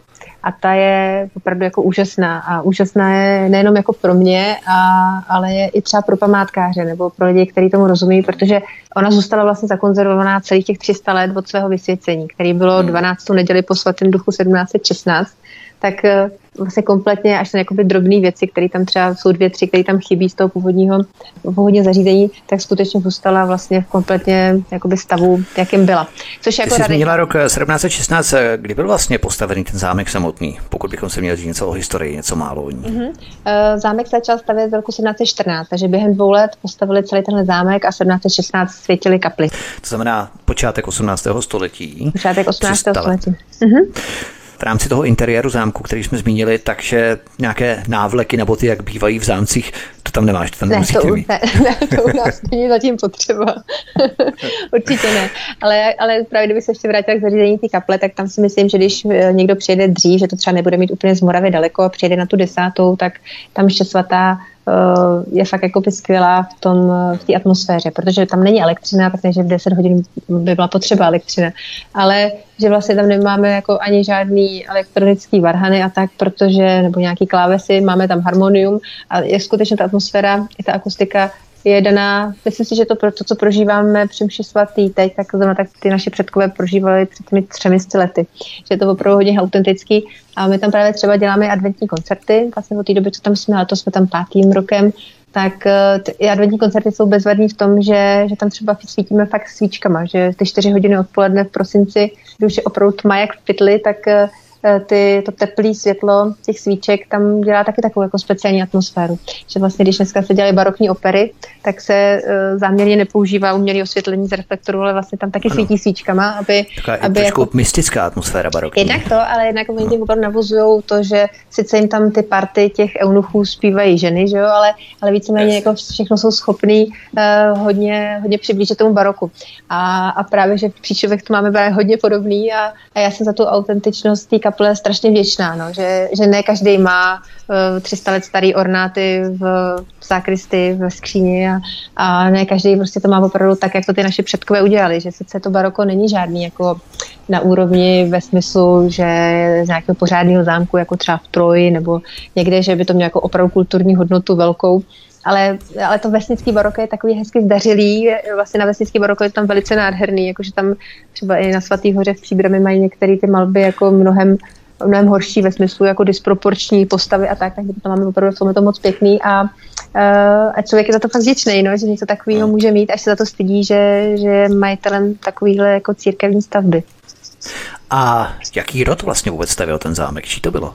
No tak on ten zámek eh, původní jako ten, kdo ho postavil skutečně podle těch plánů a kdo, ho, kdo nechal vysvětit i tu, eh, i tu kapli, což eh, bylo samozřejmě z toho důvodu, že v Příčovech žádný jiný svatostánek není a protože ty příčovští museli chodit buď do Dublovec nebo do, do Sedlčan, tak ta kaple nebyla ve smyslu jako kaple pro, pro šlechtu, ale byla skutečně jako s, se vstupem z ulice, to znamená pro veřejnost, tak ta byla za účelem toho, aby, aby opravdu mohli, mohli v neděli mši přijít i, i běžní občané a nemuseli putovat do těch okolních vesnic, tak eh, to byli měšťani, nebyl to vyloženě vysoká šlechta, byl to šlechtic Kilian Ignác Gamsberku. Pak jako jeho synové, kteří byli tři, tak nakonec zámek Příčovy prodali eh, včetně teda eh, toho poplužního dvora. A pak se různě majitelé střídali i různé šlechtické rody. A nejdíl to pak vlastně Lobkovicové, kteří to i v roce 1923 v rámci pozemkové reformy vlastně prodali svému zahradníkovi. No a to je taková jakoby zvláštnost historická. Je zřejmě ten zahradník uh, politicky nevyčníval a tak nedošlo ani ke znárodnění v roce 48 a potom si tohohle toho pana Hamerského uh, to vlastnili až do revoluce. Takže zámek Příčovy, přestože tam právě měli nadbyteční metry a byl tam vojenský archiv a tak, tak to zůstalo těm původním majitelům, kteří tam samozřejmě žili jako v nuzných podmínkách, jako takový ty, jako že je tam strašně vlhko a zároveň tam, když jsme tam přišli, tak tam byly akumulačky a takový ty, ten váleček přetažený přes ty barokní malby a tak. Ale, ale vlastně tím, že byli chudí, tak nikoho nedráždili, žádným komunistovi nevadilo, že, že vlastně žijou na zámku a tudíž po revoluci to prodali tihleti eh, potomci eh, toho zahradníka jednomu fotografovi z Prahy a my jsme to potom koupili od něj. A teď to vlastní rod Tomkových. Jo, Uvidíme, jo. kolik století ještě to budete vlastnit. Ale ani tam nestraší v noci, kdyby tam někdo chtěl přespat, tak tam nestraší nic. Jo? Na tím si nejsem jistá. Nezažila jsi tam, ty jsi tam samozřejmě přespávala několikrát, eh, tebe nic nevyrušilo, nikdo tam nesfoukával svíčky, neschazuje nádobí z kredence, nic takového se tam neděje. No tak samozřejmě různý zvuky tam, Předci třeba. různý zvuky tam jsou. A já vždycky jsem řekla, nechte mě, nechte mě, nebo vám to tady nikdo neopraví. Takže takhle to tam máme já domluvený s těma duchama, ale je pravda, že, že tam jakoby řada těch jako prazvláštních věcí se děje a vypráví o tom i soused, co tam jakoby zažil a dokonce tam vlastně i, i ten zámek znova znova e, kropil svěcenou vodou i pan Faráš, že tam třeba ani pes nechtěl jít jako po chodbě. Takže fakt, hm, fakt jo. A od té doby, co se to Myslí, tam... tam stala třeba nějaká kriminální záležitost, třeba nebo že tam někdo koho zabil, nebo No to nevíme, takového. ale třeba víme, že tam někdy před 150 lety se jakoby z toho balkonku v prvním patře zřítilo batole a že jako zemřelo. Takže po té době je tam zazděný ten vstup na ten balkonek nad hlavním vchodem, tak jako jestli to možná něco takového, my nevíme. Ale je pravda, že od té doby, co to pan Farář hezky posvětil, nebo po, pokropil to svěcenou vodou, tak, eh, tak i ten pes tam zase začal chodit. Takže tam evidentně něco jako špatně bylo. To je zajímavé. Ty no. zvířata mají opravdu takovou velkou citlivost. Určitě, no. určitě, no. A ty energie takže, různé. Takže tak, takže já ty jako duchy prosím, aby mě tam jako nechali, aby mě nestrašili a Jinak jim to neopravíš. Jinak to neopravíš. to neopravím, ale... protože tam uteču a, a koho by tam hledali. ale bohužel pro ty přednáškové účely tam asi není žádný sál, který by se dal pro takové účely využít, že myslí v tom zámku, ne v té kapli, ne z dole nebo té sípky, to samozřejmě ano, ale v tom zámku přímo tam nic takového není, že? tak je, je tam vlastně nad tím vchodem jako je taková hlavní společenská místnost, ale samozřejmě to není nějaká uh, sála Nobile ve smyslu tanečního sálu nebo něco takového, kde by byla jako velká kapacita nebo možnost umístění velké kapacity lidí. To tam není, no, to je pravda. A vy jste právě loni v létě provedli rekonstrukci té sípky, tam se dají pořádat nějaké menší workshopy třeba. To právě i, i jsem vlastně zvala posluchače, to bude premiéra letos, takový křtění ty sípky, že tam bude mít workshop právě Eh, pan doktor Skála s panem doktorem Budilem. Takže to určitě jo, tak teďko tam jenom doděláváme takový, jako že musíme dočistit eh, zeď kolem zásuvek a, a tak různě a pořádně tam dočistit. Takže ano. sípka bude mít premiéru úplně opravdu mm, skoro na sekundu to bude takový připravený, že to jakž tak vyšlo. A vedle té sípky stojí vlastně stodola, takže tam by se také dalo schovat eh, v případě ne, ještě, že nejenom v tom rámci toho Bartistanu, co tam budete mít. Určitě, jako t- těch možností je tam opravdu víc. Ta, ta sípka má hlavně jakoby tři patra, takže uh, když ten workshop bude třeba jenom v jednom, tak tam ta kapacita je teď poměrně dost veliká. Uh, ve Stodole taky, tu, tu máme vlastně taky celou volnou a, a do zámku se vejde taky poměrně hodně lidí a jako životu nebezpečno tam samozřejmě není, jenom to tam není Jasně. prostě tak, že by si všichni sedli nebo, nebo tak. No. Akorát nekouřit ve Stodole, seno tam asi nemáte, ale přece ne, mám tam slámu, konst... mám, já to mám slámu, protože já mám slepičky, víš, takže já tam potřebuji mít slámu, abych mohla mít, abych mohla mít čistý slepičky. Takže cigareta z tohle nesvědčí určitě. Ne, ne, ne, poprosím, že radši ne. A vlastně, když takhle už o tom mluvím, o takových těch technických drobných věcech, tak i možná bych zmínila, že, že lidi, když přijdou autem, tak eh, že by bylo možná fajn parkovat tak nějak různě i právě po těch okolních eh, vesnicích nebo někde i na těch polních cestách, které spojují ty vedlejší vesnice, protože si myslím, že tam bude nakonec k nehnutí a myslím, že taky minulý rok tam právě byl i problém s tou policií, která nás tam jakoby hlídala, tak tam myslím dala i nějak pár pokud za to, že někdo parkoval skoro až křižovatce která je tam skutečně taková jako nepřehledná, že tam je zrcadlo a, a když to tam ty lidi zatarasili, tak to asi nebylo úplně příjemný. No, oni by tam potom nemohli vězt ani hasiči v případě třeba požáru nebo takové. No, jako asi takhle, ale trasu. to není jako nějaký vyhrožování, ale poprosila bych, že když by to šlo, tak uh, aby lidi třeba došli ten kilometr dva, ono vlastně i ze Sedlčan, když někdo přijede vlakem, autobusem, teďko jezdí přes Příčově každou hodinu autobus, vás v rámci toho příměstského nového uh, jako uh, organizování toho středočeského kraje, tak uh, opravdu každou hodinu tam jede autobus, takže uh, je možné tam velice se jednoduše dostat, jo, což třeba ještě před rokem právě nebylo, že aspoň ty dva kilometry z těch sedlčan bylo potřeba dojít, když někdo přijel vlakem nebo autobusem. Ale to takhle už to není, tak bych poprosila moc, že, že já hlavně pro ty lidi, kteří přijedou, aby opravdu nakonec neměli problém s tím parkováním, že je lepší, lepší zůstat někde prostě opodál. Mě třeba teď napadlo, máš v zámku třeba i nějakou hladomornu pro zvlášť dotěrné sluníčkáře nebo něco podobného? Mm, nemám tam, já spolehám na tu policii, co se tak aktivně přihlásila k té naší ochraně.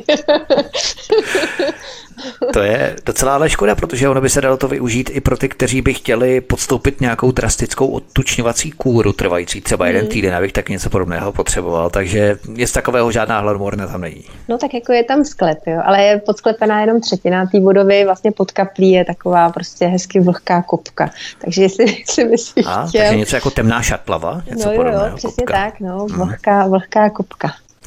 Co třeba dobová mučírna pro skorumpované politiky, nic takového tam nemáš? Mm, já se hlavně nepasuju do toho, že bych eh, něco rozhodovala za pána Boha, takže, eh, takže to ode mě nečekej. Rozumím. Já si to ale už třeba představuju pranýř pro TOP 09, španělská buta pro Piráty nebo mm. palečnice skřipec pro ODS. Mm. Hned by ti stoupla náštěvnost třeba do příčov. Mm, jo, jo. A to by byla s tou negativní energií, víš, a to my tam nepěstujeme. Jasně, jasně. Pojďme dál. K zámku přiléhá také zahrada v barokním stylu, o které jsme se bavili. Pěstuješ tam kopretiny, levandule, růže, fuchsie, lilie, já nevím, měsíček a tak dále. Takže spíš květiny, není to užitková zahrada přímo. Eh, je to takový jako nakombinovaný, ale hezky si vyjmenoval celou kytičku, co jsem ti přivezla k té tvojí kramériově seně. ano, to jsem si zapamatovala, hned jo, mě to Jsi fakt dobrý, jsi dobrý.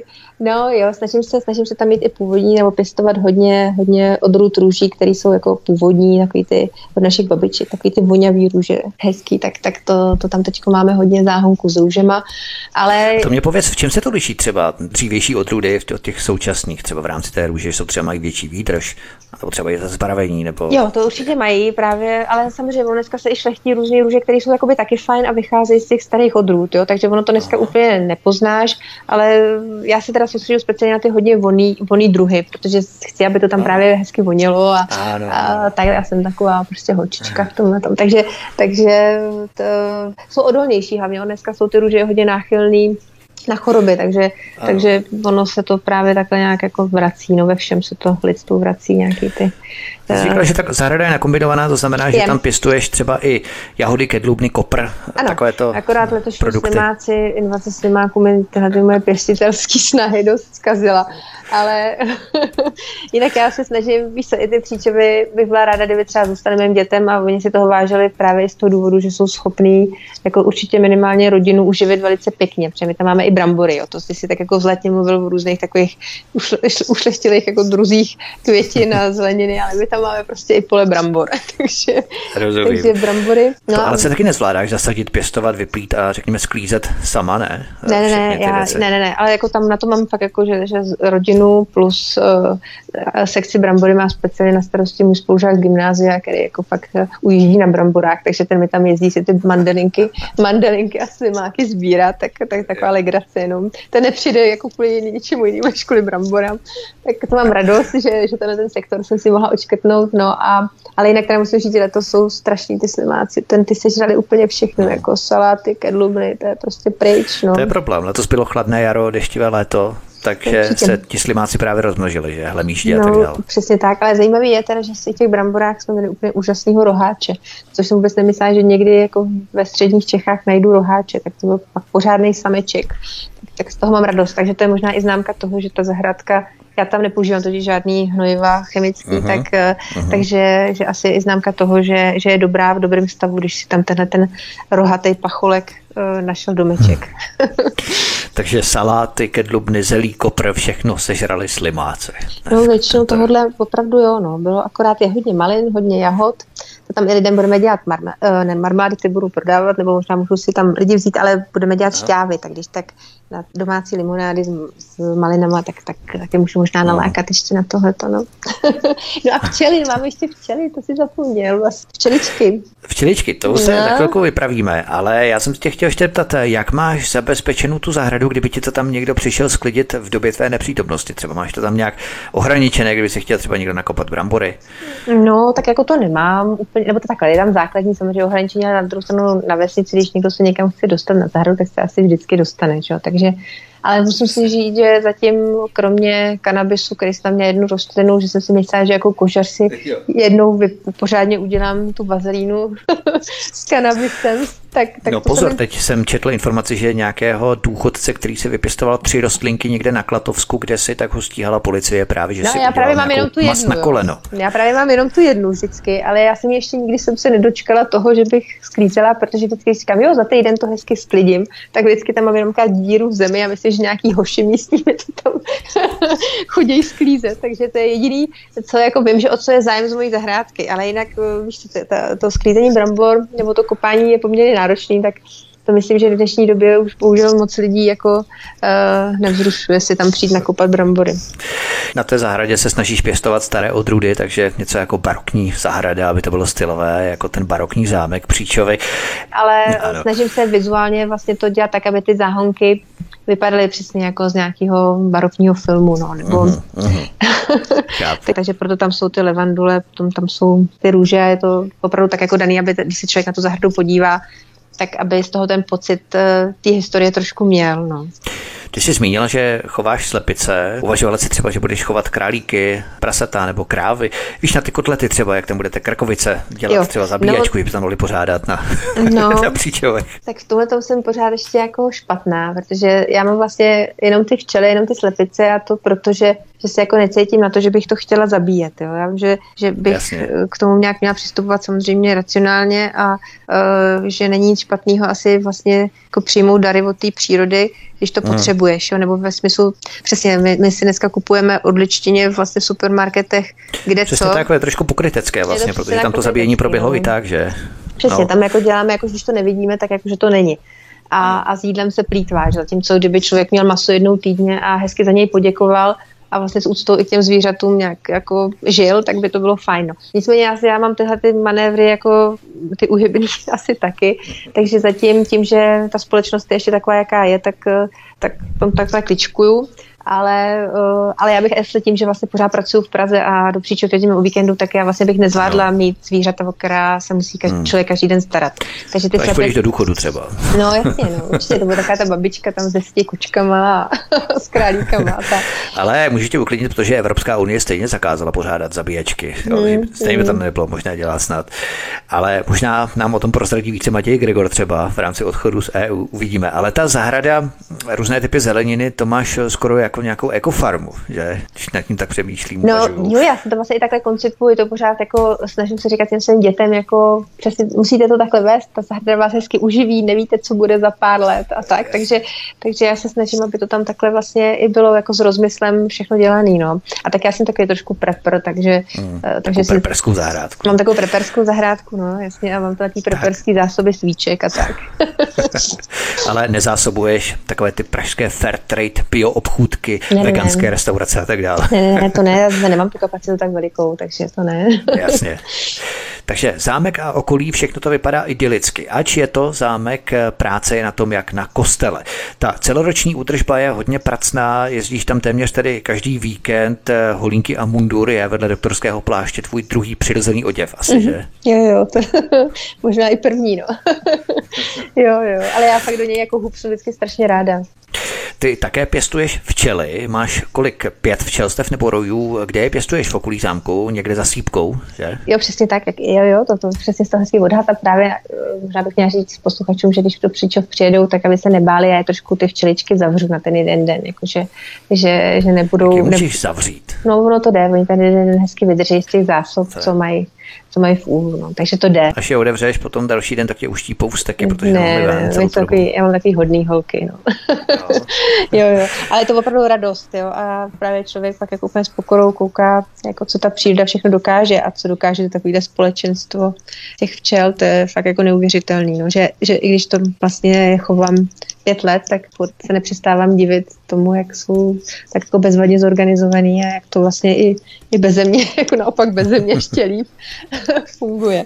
Takže to jsem vděčná. Jsi no. to takový rušivý prvek mezi těmi včelami, když tam jo, no, tak bez tebe to nedaleko. No, víš, když tím bereš, bereš med, který oni si nazbírají, no, tak to je jasný. Co by no. s tím dělali s tím medem, že? No, na druhou stranu. No, tak Čemu by jim byl? No, tak samozřejmě k jejich spotřebě, že? no, spotřebě, no. A bývají včely třeba během nějakého ročního období nervóznější než kdy jindy? Nemyslím třeba před bouřkou a tak dále, ale spíš nějaké období během roku, kdy bývají třeba hodně nervózní, kdy není rádno se k ním přibližovat. Ne, to asi ne, ty možná myslíš to jakoby schopnost strojení, no a to oni většinou, jak to říkají starý včelaři nebo i příručky, tak tu hmm. schopnost strojení oni mají většinou do, mm, eh, do slunovratu. Takže eh, je potřeba hodně často vlastně do těch úvů jít a podívat se a takový těch ehm, ty zlý úmysly, jako že si vytvoří novou matku, tak jim vlastně ty matečníky, ty speciální jako larvičky, jim různě odštipovat, vylamovat aby, aby právě ti nezdrhli s nějakou novou matkou a nezačali se ti rojit v tvojí třešně. Takže to je práce vlastně od jara do toho konce června, kdy, kdy musíš sledovat, sledovat tady ty rojivý tendence. Jo. Tak to je jediný. No a tím, že se právě tam nejsem třeba přes týden, tak občas se stane, že mi, že mi takhle utečou. No. A, a to se to taky stalo, ale na druhou stranu zase mojí kamarádce, eh, která má ve východních Čechách takový starý statek, tak tý v zimě docela dost šťastech pomrzlo, tak já jsem byla takový její zásobovač letošní, protože myslím, že jsem víc než med produkovala včely letos. A jak dlouho se vlastně věnuješ pěstování včel, protože to přece jenom není klasické hobby pro křehkou ženu, kdy tě to napadlo, že bys mohla začít pěstovat včely, je přivedl tě nebo zasvětil tě do toho někdo? No jasně, no já, já jsem teda to, že chci včelařit, to jsem jako věděla od začátku, co jsem příčově, jako, nebo jsem tam přišla. Ale musím říct, že mě strašně hezky do toho uvrtal můj kamarád Zdeněk, který je starosta u Benešova, nebo byl to starosta přestavilku u Benešova a to je takový můj včelařský guru, možná i nejenom včelařský guru a uh, ten mě právě jako vlastně přivez mi první ten úl a řekne, ne, musí začít už letos. A vlastně i, když já jsem plánovala, že začnu ten další rok, tak vlastně díky němu, který mi ty úly přivez dva, tak já jsem začala hned v tom roce 2016, co jsem, co jsem vlastně příčově jako pořídila. Ale on byl hodný, no. on mi opravdu dělal i to jako asistenta, nebo respektive spíš jsem dělala asistentku já jemu a že on mi to vlastně všechno naučil. To já bych to hmm. jinak z těch příruček se učila mnohem díl a on mě jako rozhodně mírně pomohl těm včelám rozumět. Já si myslím, že člověk těm včelám nemůže rozumět asi nikdy a já si myslím, že se nedostanu ani na úroveň nějakých těch starých dobrých včelařů, ale rozhodně Zdeněk mi strašně moc pomohl. Takže včely mám jenom díky němu. A ty ale nejsi schopná, myslím, že nikdo není tak schopný asi, že už dnes se u včel pohybovat bez toho ochranného obleku, jako ti staří ostřílení včelaři, ale co jsou zvyklí na žádla. No ale oni pořád ještě v Vítku existují, ty pánové, jako ty jsou fakt super. Já jo. si myslím, že mě se to teda nikdy nepoštěstí. Já nevím, asi si s nima málo povídám, s těma včelama. ale hlavně ono pak, když dostaneš jedno to pigáro, tak oni jak vlastně, jak jsi označkovaný, tak pak už to jede. Tam je s tebou áno. Ona vlastně tě jedna včela tě označí pro ty ostatní včely, že jsi vlastně ten nepřítel. Ano, že jsi ten medvěd a poradí jim, aby na tebe taky šli, že? Přesně, jsi ten medvěd bedrník, co jim chce ubližovat. Takže přesně tak, takže mi se takhle označí. No. Ale ještě se ptal, jako, že eh, jestli je to jako pro ženu, tak já si myslím, že, že úplně to včelařství jako není pro ženu, protože, nebo respektive je, ale eh, ono je to hodně i fyzicky náročný. Ono vlastně, když máš plný ten jeden nástavek medu, tak to je třeba přes 30, jo, 30 jo. kilo, jo? nebo je to fakt jako hodně těžký. Jasně, takže jasně. takže uh, já třeba jsem v tomto směru měla špatný výběr těch rámečků, nebo ne úplně špatný, ale se třeba liší právě úly velikostí těch rámečků, kde, kde vlastně máš ten nazbíraný med. A, a oni existují i menší, ale já právě jak mi to přivez ten Zdeněk, který je chlap a prostě vyráběl ty své úly takhle, tak já jsem dostala takový ty asi nejvíc standardní úly, ale ty jsou fakt udělaný pro ty, pro ty bodrý velký včelaře, pro ty právě ty starý pány s tou, uh, s tou velkou silou. No. Takže, takže já s to mám trošku problém, že, že je to opravdu fyzicky náročné. Když máš kontrolovat těch pět úlů, tak je to pro jedno amatéra, co tam tráví jenom víkendy, někdy jako dost. No. A já si myslím, že mezi posluchači jsou určitě taky včelaři, tak vědí, o čem mluvím. No. Kolik jste letos natočili medu, protože přece jenom bylo chladnější jaro, léto, ty včely se museli starat sami o sebe, toho medu bylo asi výrazně méně, že? Ty si říkal, že jsi také kamarádce v východních Čechách věnovala dvě včelstva, tuším, takže si těch včel měla méně, byly oslabené, ale i tak hodně včelařů si stěžuje letos, že jich je méně těch včel, to znamená, že i medu.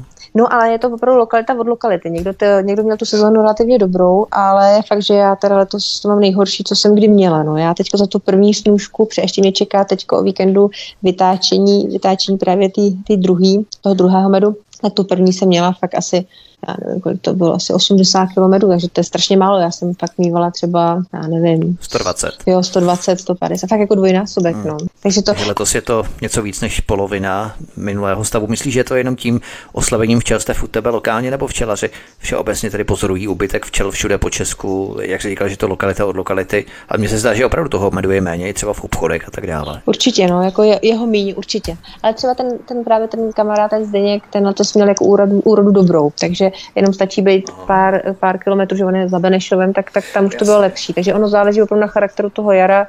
Uh, jo, je tam těch faktorů hodně určitě, pak záleží na tom, jak ti to včelstvo vyzimuje, přesně, jestli se ti rojily a tak, takže, uh, takže já v tomhle tom jsem letos nějak prošla jako, jako, jako očistou, ale zase, tak říkám, zase jsem si vyzkoušela víc to lovení těch rojů. A... ale oni jsou vlastně dvě snůžky mm-hmm. ročně, že? Jedna ano. je na přelomu května, června, druhá během července snůžka. Mm-hmm. A někdo to má je i třeba začátkem června a konec června, jakože minimálně ten měsíc mezi, mezi těmi snůžkami je. A pak jsou opravdu, opravdu ještě dobrý včelaři, kteří jsou schopní udělat jako speciální med, jako akátový, lipový. A to musíš vlastně vytočit ten med těsně potom od květu té květiny, která je v té blízkosti. Jo? Takže uh, to taky není pro ty amatéry, jako jsem já, který tam jedou jenom o víkendu. takže já mám květový obecně, takže tam je namícháno všechno, co kvetlo, ale fakt, že takový ty fajnšmekři jsou schopni udělat levandulový, lipový, akátový, prostě jakýkoliv med chceš, no, tak to, to, to já takhle dobrá nejsem. No. Pojďme na poslední téma našeho rozhovoru. Ty vedle každoroční akce Příčovej v srpnu pořádáš i adventní koncerty, které jsme zmínili během prosince, což je úžasné. Pověz nám o tom něco víc. Letos do toho hodil vidle COVID, nebo ani ne tak COVID, jako spíš vládní nařízení ohledně covidismu. Nicméně, kdo tam vystupoval, jak to probíhá? Oni se jmenují Quinteto. Ne, no to není pravda. Takhle, je to stejný jako s eh, pořádáním příčov a, těch, eh, a s organizací těch panelů, tak vlastně tím, že tam máme každý rok čtyři adventní koncerty, tak my se snažíme ty interprety taky měnit. Takže to kvinteto, co se ty slyšela vlastně v tom příspěvku, tak to bylo kvinteto con mandolino, což je bezvadný v tom, že jsou to dneska už já nevím, třeba padesátníci, jsou to spolužáci z lidové školy umění, když jim bylo prostě deset. A jsou to kluci, kteří celý svůj život dělali prostě úplně jiná povolání. Já znám teda jednoho pana doktora z Motola, který je, je, tam hraje na tu jednu mandolínu a ten zbytek to jsou kluci jako jeho spolužáci z té lidušky. A oni celý život se vlastně jednou týdně sejdou a vlastně trénujou a vlastně pak mají pár koncertů třeba za sezónu, ale je to téměř na profesionální úrovni, takže to jsme tam měli ty mandolíny, které se opravdu do toho našeho prostoru uh, za světu těch svíček v té opravdu prosincový krásný zimní atmosféře do té kapely strašně hodí, takže to byly jenom to kvinteto kon mandolínu, ale jinak jsme tam měli třeba violončelistu Jiřího Bartu, toho určitě lidi znají, protože ten je hodně známý. Uh, máme tam, já nevím, operní zpěvačku Kateřinu Kalvachovou, která zpívala i se Štefanem Margitou, tak jako těch uh, interpretů tam vlastně taky za těch pět let bylo strašně moc. A je to opravdu strašně hezký, že, že před těma Vánocema tak jako ty paní tam odběhnou v návsi a přijdou k nám a, a vlastně tu hodinku si hmm. tam v té šíleně studený kapli, kde opravdu se ti kouří z pusy, jak je tam studeno tak, a chlad, tak uh, vlastně přijdou a tu vánoční atmosféru. No. A, to, to, jsem taky vděčná. No, to je opravdu, ale tak já jsem vděčná, že ta kaple vlastně slouží svým účelu. Nejenom uh, k tomu, že se tam konají, když tam nepravidelně mše svaté, tak uh, tak i, že vlastně tam můžeme prožívat takhle ty, tu vánoční atmosféru. Takže to je, to ještě tak, co bych mohla k těm příčovům A jaká je v té kaple akustika? No, to je právě vlastně strašně skvělá. No. To je to i proč se tam líbí těm interpretům, že že postavili to prostě dobře ty naši předkové. No. Oni to viděli, já jsem slyšel totiž i, že oni to měli tak vychytané, že třeba protože nebyly samozřejmě mikrofony, tak i kostel, kde se sloužili právě třeba mše svaté a tak dále, tak na kůru vlastně, když mluví, tak je to slyšet i perfektně na druhé straně toho kostela, že ta zvuková nějaká kapsa tam je tak dokonale Určitě. udělaná, ta kupule nějakým způsobem přesně úhel toho kostela je tak opravdu vypočítaný, že i když tam mluvíš normálně, standardně, klasicky, nemusíš křičet, tak z toho kůru je to vlastně slyšet po celém kostele. Určitě, no, to, to, to myslím, že je přesně udělaný, že, že to věděl nejenom Santini, ale vlastně všichni ty architekti, že, že věděli, že nemají právě tuhle tu techniku a dokázali si představit, tak o to víc museli být preciznější uh, v té architektuře, no to určitě máš pravdu. No ale uh, možná bych ještě chtěla říct, že uh, se týká těch adventních koncertů, tak že to je jakoby velká součást našich Vánoc, nebo aspoň pro mě to tak je, a že, že si myslím, že stejně jako by jsme si neměli vzít, nechat vzít jako některé věci, jako jsou i třeba kříčovy, ale nebo minimálně nějaký způsob uh, revolty nebo uh, řečení svého názoru, nebo přesně nevzít si tradice, nevzít si tak, to, co tak. dělá náš život jako tím zajímavým, jo? Že, takže to rozhodně jsou právě třeba i ty adventní koncerty a že je důležitý i třeba na té lokální úrovni uh, se některými věcmi, nařízeními eh, neřídit. Já že vlastně nechci úplně poňoukat, ale myslím si, že, že když máte lidi kolem sebe, eh, který si to myslí podobně jako vy, tak eh, se dá vlastně i v téhle dnešní divné době žít takže si některé věci vzít prostě nenecháte. No. To byla doktorka Kastelánka vlastně, Alice Tomková, se kterou jsme si povídali nejenom o letošní akci setkání Příčovy v sobotu 21. srpna, ale chtěli jsme, abyste také poznali tak trochu i zákulisí příprav této velké akce. Ovšem také, abyste poznali zámek Příčovy i trochu dohloubky, trochu blíž, co tam probíhá celý rok, kdy o Příčovech neslyšíme, ale jak vidíme, Příčovy přímo překypují aktivitou celý rok a Alice nás zámkem i jeho okolím tak trochu virtuálně provedla. Ale moc děkuji za mediální prohlídku si, skvělá průvodkyně. Já držím palce, ať se na příčovek daří a těším se, až se tu u nás na svobodném vysílači setkáme znovu. Ahoj a díky. Taky děkuji Vítku a děkuji posluchačům, že s námi vydrželi až do konce a budu moc ráda, když se spolu potkáme v srpnu, ale třeba i na adventních koncertech na ty adventní koncerty, tam bys mě spíš nalákala, tak eh, třeba se určitě, určitě se domluvíme. Tak eh, to by bylo všechno na svobodném vysílači. Vás eh, zdravíme, milí posluchači, jsme rádi, že jste s námi vydrželi až do konce, že jste se něco nového dozvěděli právě o příčovech, o akci, která se koná za několik dní. My budeme samozřejmě rádi, když tam přijedete. No a my se s vámi rozloučíme. Prosím, tento pořad si můžete poslechnout nejenom na stránce svobodného vysílače, stáhnout si tento pořad v MP3 formátu a případně v podcastu, ale můžete se zaregistrovat a to vás prosím na kanál Odyssey, který máte samozřejmě na našich kanálech uvedený v rámci sociálních médií, Facebooku a tak dále. Na sociální síť Odyssey je to něco takového jako odlehčený YouTube, protože na YouTube dochází k cenzuře, k banování a mazání našich videí, proto jsme přišli na platformu Odyssey. Tak prosíme, zaregistrujte se i tady a zvolte tlačítko odebírat jako na YouTube kanálu Studia Tapin Rádio Svobodného vysílače, abyste nezmeškali další pořady, které pro vás na svobodném vysílači v tomto studiu chystáme. To by bylo opravdu všechno finito definitivo. Od mikrofonu vás zdraví Vítek, přeju vám krásný večer, příště se s vámi opět těším na slyšenou. Prosíme, pomožte nám s propagací kanálu Studia Tapin Rádio Svobodného vysílače CS. Pokud se vám tento nebo jiné pořady na tomto kanále líbí, klikněte na vaší obrazovce na tlačítko s nápisem Sdílet a vyberte sociální síť, na kterou pořád sdílíte. Jde o pouhých pár desítek sekund vašeho času. Děkujeme.